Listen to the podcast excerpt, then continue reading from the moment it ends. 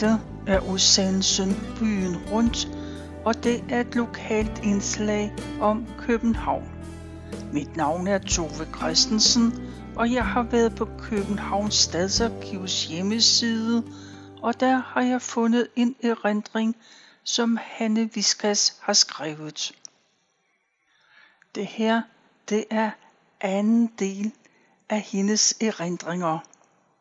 Hanne Viskas er født i 1942, og hun har skrevet om sin barndomsgade, Masnadøgade, hvor hun flyttede i 1947 til en treværelses lejlighed med sine forældre og lillebror Henning.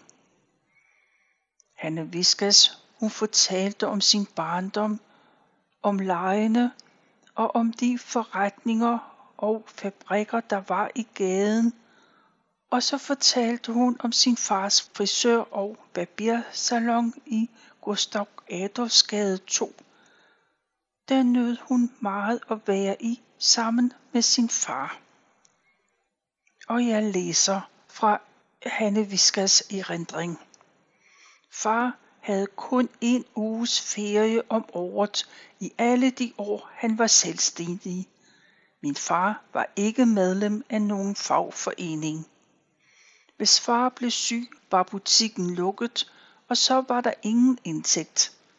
Desuden følte han sig meget bundet af forretningen, som desværre kun gav et meget sparsomt indtjening til familiens underhold.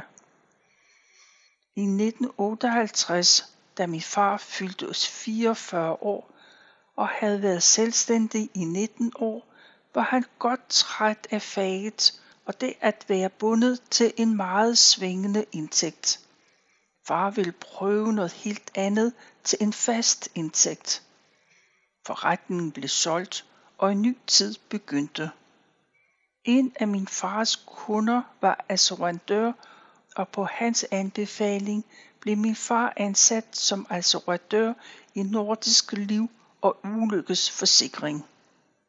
Med de nye job fulgte en kørselsordning, så nu blev det muligt at anskaffe familiens første bil. En metal lyseblå folkevogn, der straks blev døbt til Smutte, samtidig med min far nu kunne køre rundt og besøge kunderne, var der også mulighed for at bruge bilen privat. Den bragte gennem mange år vores familie på mange dejlige ture rundt i landet. Så kommer der et afsnit, der hedder De skal lære at neje. Den 15. marts 1960 blev jeg ansat ved Christiansborg Slotsforvaltning, Prins Jørgens gård nummer 2. Kontorlokalerne var placeret lige over gennemkørslen til Prins Jørgen gård mellem Slotskirken og slottet. Ved porten stod der altid en skilvagt i fuld uniform, der sørgede for at kontrollere de ansattes adgangskort. Når der var audiens, kom gardehusarne med hesteeskadronen fra Næstved og tog opstilling i vores gård. Dengang var det meget prestigefuldt at være ansat i etaten. Samtidig krævede det visse personlige kvaliteter. Påklædningen skulle være tækkelig og præsentabel. Tiltaleformen var de, og man brugte altid titler over et vist niveau. Afdelingen bestod af seks personer, hvor jeg var den yngste. Den øverste chef var slotsforvalter K. Det fine lit. Slotsforvalteren var en meget royal og streng herre, men en retfærdig og elskelig person, der besad ironi, varme og som også havde en fin humoristisk sans. Jeg dummede mig af og til, men blev altid tilgivet på grund af min unge alder. Af slåsforvalteren blev jeg tiltalt lille frøken Hanne. Næste chef i hierarkiet var min afdelingsleder, frøken von Valen, som levede sammen med en kvinde, der også var ansat i etaten. Forholdet blev omtalt uden omsvøb og var desuden accepteret af alle. Det var først og fremmest disse to ledere, jeg kom til at holde meget af, og som også kom til at betyde meget for mig i min videre arbejdsmæssige karriere, men ikke mindst i min personlige udvikling. Afdelingens opgaver var blandt andet at varetage lønningsregnskab for slåsbetjente og rengøringspersonale samt udføre diverse bogholderiopgaver og receptionsarbejde for hele forvaltningen. Vi var i alt 1500 ansatte i forvaltningen, der hører under Boligministeriet. Arbejdsdagen startede kl. 10 og sluttede kl. 16 på hverdage og kl. 10 til 13 om lørdagen.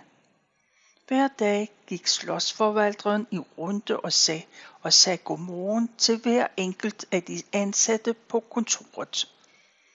Jeg fik ofte besked på, at mine lange røde negle ikke var set på en arbejdsplads som slotsforvaltningen. Jeg beholdt dog de røde negle. Derefter var det tid til morgenkaffen. En pensioneret slotsbetjent, der savnede sin omgang med kollegaerne, kom tidligt hver morgen for at brygge kaffe til personalet, og jeg blev altid forkælet med varm chokolade. Derefter kunne arbejdet gå i gang. Jeg skulle lære rufbogholderi og skrive betalinger til de lejemål, staten havde rundt om i København. Hver 14. dag skulle der udbetales løn til slotsbetjentene, og så blev der indkaldt ekstra personale i form af tre kvindelige vikarer, der kom i to dage. Så gik det løst. Først skulle alle lønsedlerne kontrolleres manuelt, fordi der på hver seddel var forskellige tillæg for forskudt vagter og lignende. Lønsedlerne var skrevet med blyant, så tallene nemt kunne rettes. Når alt var i orden, fik jeg udleveret en stor maskine, hvor lønposerne var placeret sammen med en journal med gennemslag. Når en lønpose var skrevet, trak jeg i et håndtag, og posen blev skubbet ud. Arbejdet foregik på samlebånd, hvor vi alle sad omkring et stort mødebord. Når alle poser var skrevet og kontrolleret, skulle der tælles penge op. Derefter blev beløbene fordelt i de respekterede poser.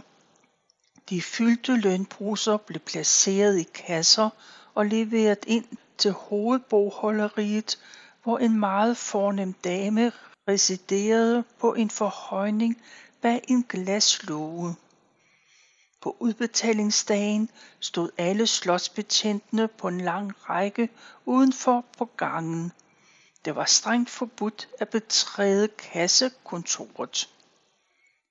Alle skulle tælle efter om beløbet stemte, derefter blev der kvitteret for modtagelsen, og næste person trådte ydmygt frem.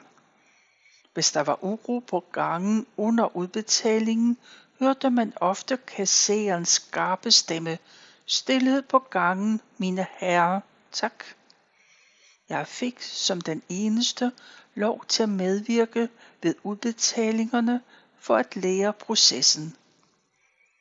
Samme myndige dame havde også et andet betydningsfuldt værv. Når kongehuset skulle afholde selskabelighed, måtte Flora Danica stillet ofte suppleres. Da den betydningsfulde kasserer var tidligere porcelænsmaler ved det kongelige porcelænsfabrik, var det oplagt, at dette vigtige arbejde blev udført af hende. Dette blev betragtet som en stor ære, der ofte blev rosende omtalt. Følgende episoder er nogle af mine øvrige erindringer fra tiden i etaten, hvor alt foregik efter fast procedure. Det blev bekendtgjort, at vi ansatte på kontoret måtte komme til forpremiere på Hofteatret, hvor Paul Reumert skulle spille med i Holbergs komedie Barselstuen. Det var meget spændende, da kong Frederik og dronning Ingrid skulle være til stede. Betingelsen var, at vi alle skulle optræde med den dybeste erbødighed og pli. Derfor skulle vi på nejekursus og i øvrigt opføre os standet. Det var slåsforvalteren, der underviste i den svære teknik at gå dybt ned i knæene, sænke blikket og holde ud i nederdelen i begge sider. Stillingen skulle holdes indtil majestæten havde passeret hele rækken af os nejebøjende ansatte. For en ung pige som mig, der havde meget let til latter, var det svær øvelse at gennemføre. Hver gang den lille Trine chef i jakkesættet viste øvelsen, brød jeg simpelthen sammen, så tårerne trillede. Dette udløste hver gang en meget alvorlig reprimande. Så oprandt endelig den vigtige dag, hvor vi begav os til teatersalen. Alle stod langs væggen bagerst i lokalet og holdt øje med dørhåndtaget.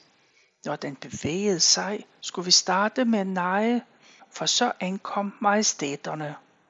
Nejeøvelsen blev udført, og da kongen og dronningen var på plads på forreste række, gik jeg op og satte mig på rækken lige bagved.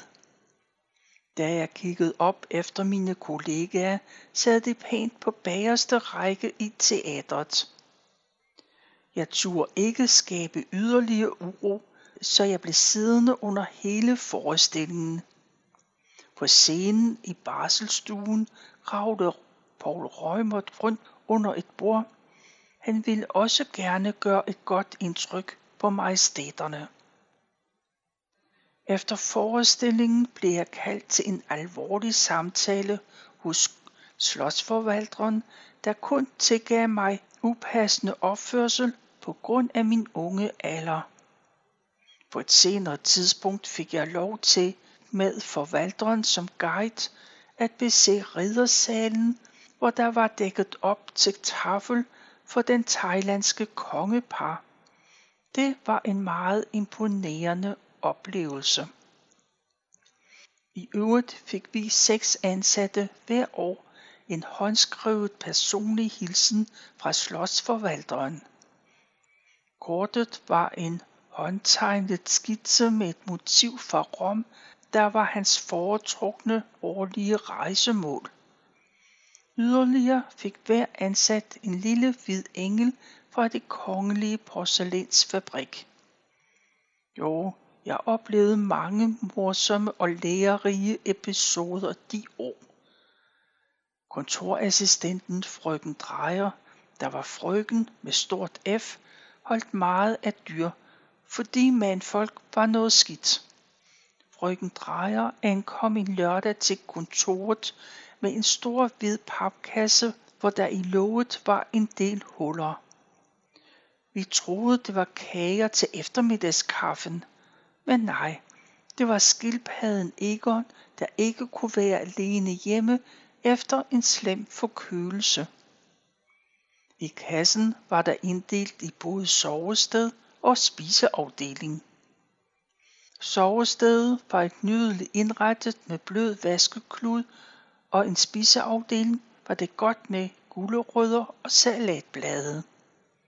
Egon var iført en turkisblå strikket frakke med et firærmet til hvert ben.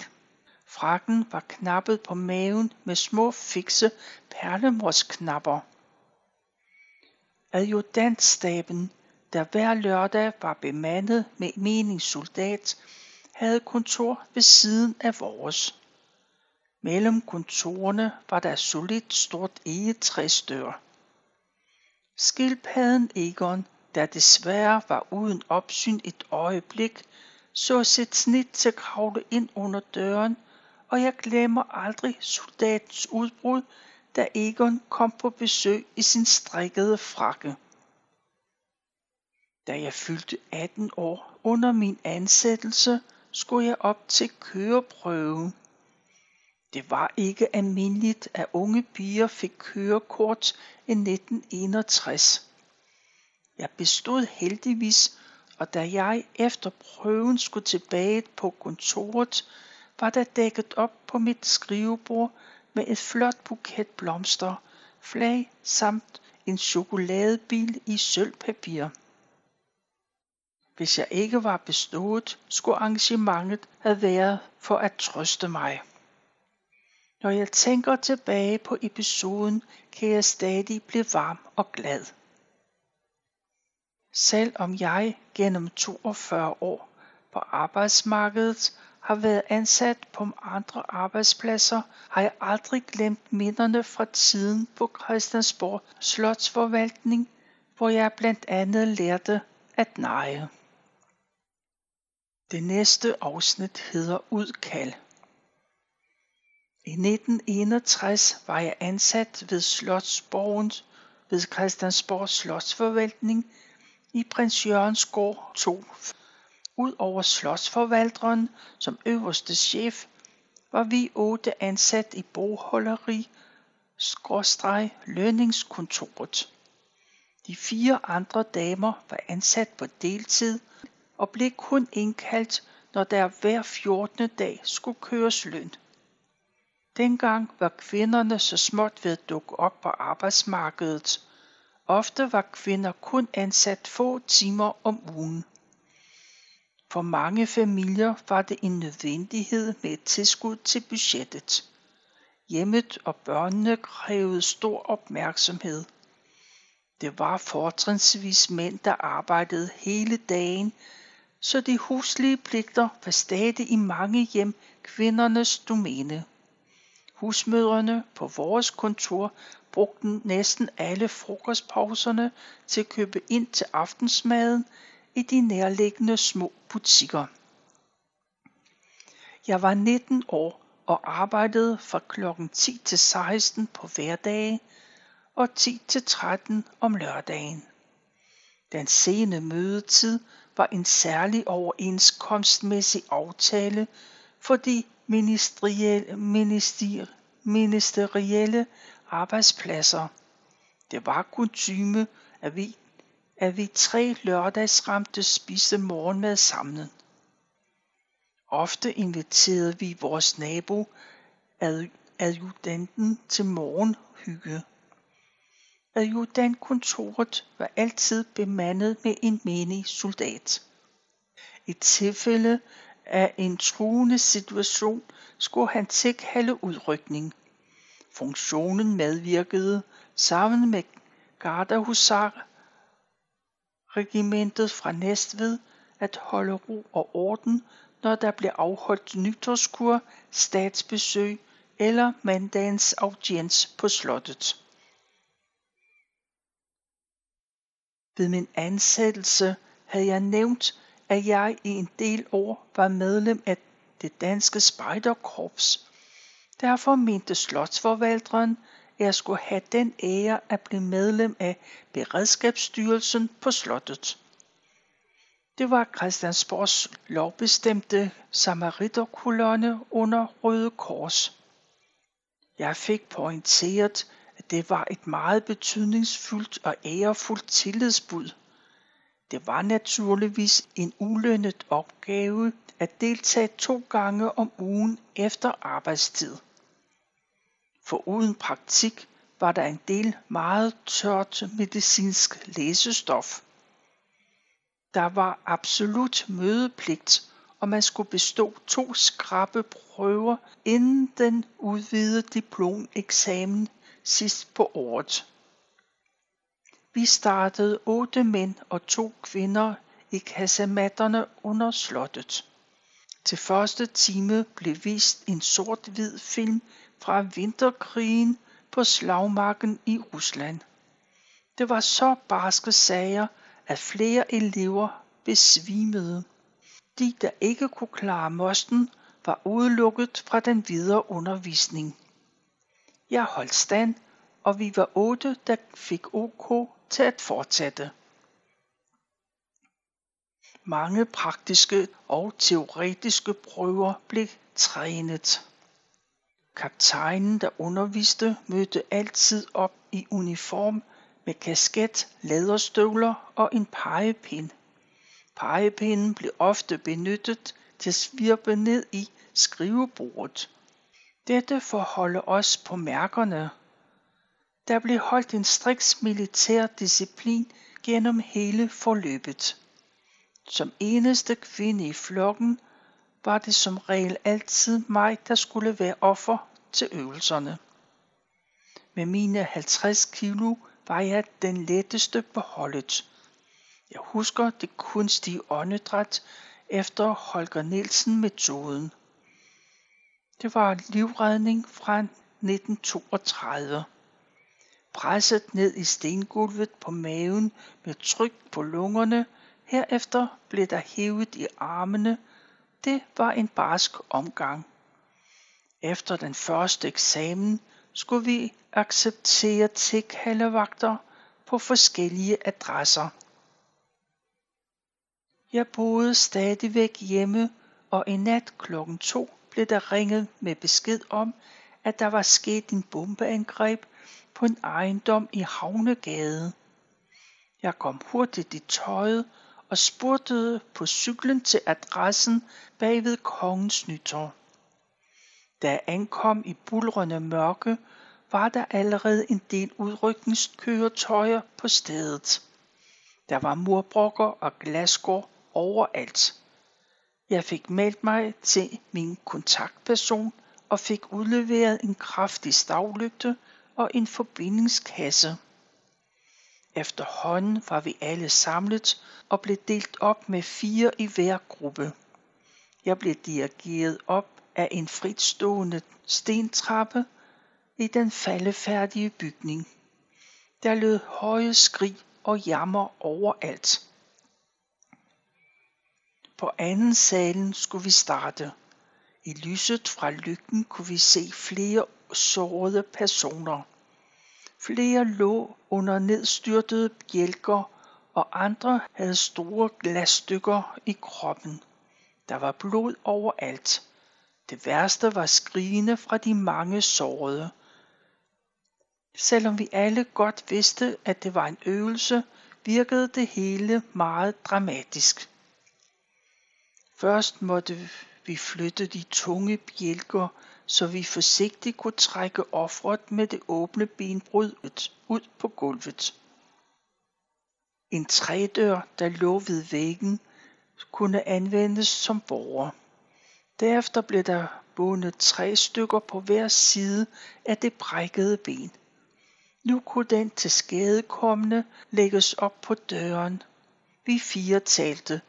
1, 2, 3 og løft op på skulderen med døren.